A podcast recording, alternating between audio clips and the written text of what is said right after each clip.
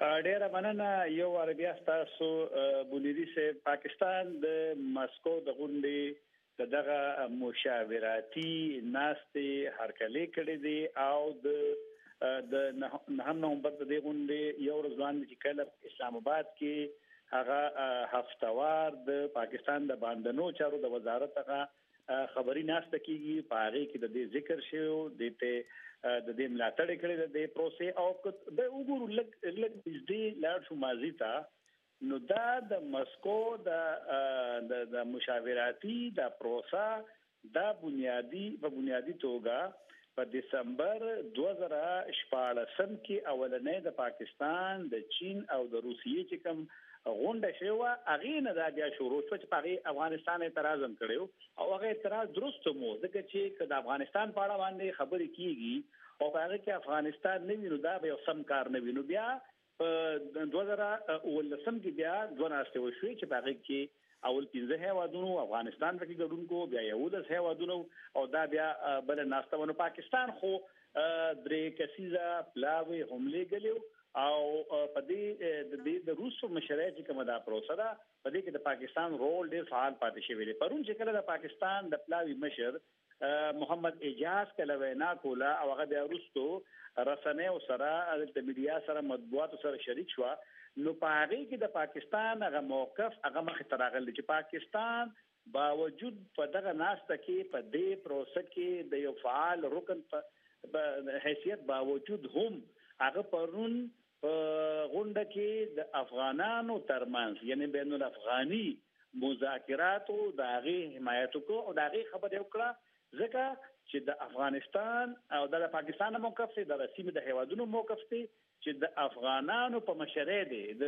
هر حق پروسه چې وي د هغه مشري دي افغانان په خپل وګي او دا بالکل یو درست او سم سوچ دی نو پاکستان خو د ماسکو پروسې تم خوي لیکن موقف او دریز دا دی چې هره پروسه چې وي هغه باید چې د افغانانو د مشرۍ د لاندې محترم طاهر خان صاحب د روس په کردار باندې ځینې څېړونکي شک کوي تاسو څه فکر کوئ د روس دې کردار ته په څه نظر ګورئ چې په افغانستان کې د سولې لپاره لوبوي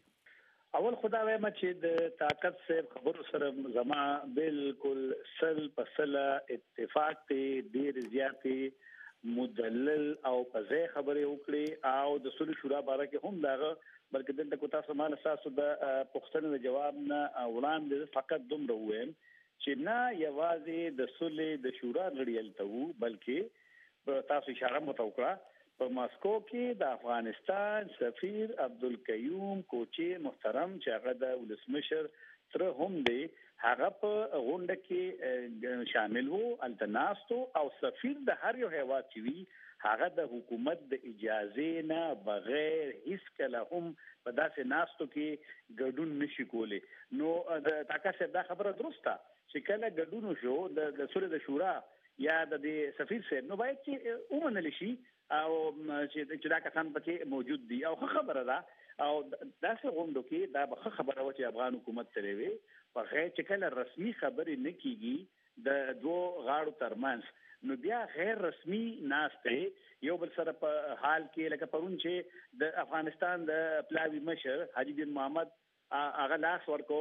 د طالبانو د پلاوی مشر ته ستانکزی صاحب ته نو هغه ټول دنیا په هغه باندې فوکس وکړو هغه ته اهمیت ورکړو ارزښت ورکړو هغه عکسونه نن چاپ شوي دي نو معنی دا ده چې خلک د خلکو د د نړۍ د افغانستان د خلکو بیا د سیمې د خلکو د افغانستان په امن کې هغه کمندین لري اختلافات د روس ترول پتا سو وي ګوره په په دې نړۍ کې به شکونه په ډیرو کارونو باندې وي لیکن د جنگ د ختمولو لپاره چې د روسیو یو موقف مخه ترازی او تاکه صدا خبره هم درسته چې کله خلک کینی خبرې وکي مشورې وکي نو ډیر شیان بیا راځي دا خلیلزاد چې اوس تاسو په ویت په کابل کې موجود دی دا دویم سفر دی د سیمې ته په اکتوبر کې هم دی راغلی افغانستان ته بیا پاکستان ته بیا نورو حیوانو ته امریکا اوس په خپل باندې غواړي چې د جنگ پر ځای سیاسي حل لپاره د غي فوکس وي دا بار بار چې د سفرونه وکړي یا دا د مسکو په غونډه کې امریکا هم کې ناشته هغه ټیک ته دغه هغه نائب وزیر یا مرستيال نو راغلي مو نو راغلي لیکن دغه په اجازه باندې اعلان د واشنگټن نو شو لیکن په مسکو کې دغه هغه ډیپلوماټان کې ناستل نو معنی دا ده چې امریکا هم اوس ورو ورو دغه سیاسي کوششونو سره واغیم اتفاق لري نو شکونه خو به د هر چا وي لیکن ډیر خلک به د مسکو غونډې ته هغه ورته ارزښت ارزښت او اهمیت ورکړي ځکه چې په افغانستان کې جنگ وګړيږي نو اول دا غیغه قربانیان او هدف د بدقسمتۍ نه خو افغان عام ولس دی لیکن بیا خو د سیمې هیوادونو سره ضرور تشویش شته، روس سره شته، د مرکزي اسیا هیوادونو سره شته، ایران سره شته، اوس جنګ د ایران پولې ته نږدې شوی دی، بیا شمال کې جنګ طالبانو سره هلته فعال دي، نو که روسیه یا د مرکزي اسیا هیوادونه هغوی راځي او یو رول دغه کوي، هغوی پرون دا مشاورتي غونډه وه، دا څه فیصله نه کوي، لیکن هر ګډون کوونکی په سیاسي حل باندې ټینګار کړی دی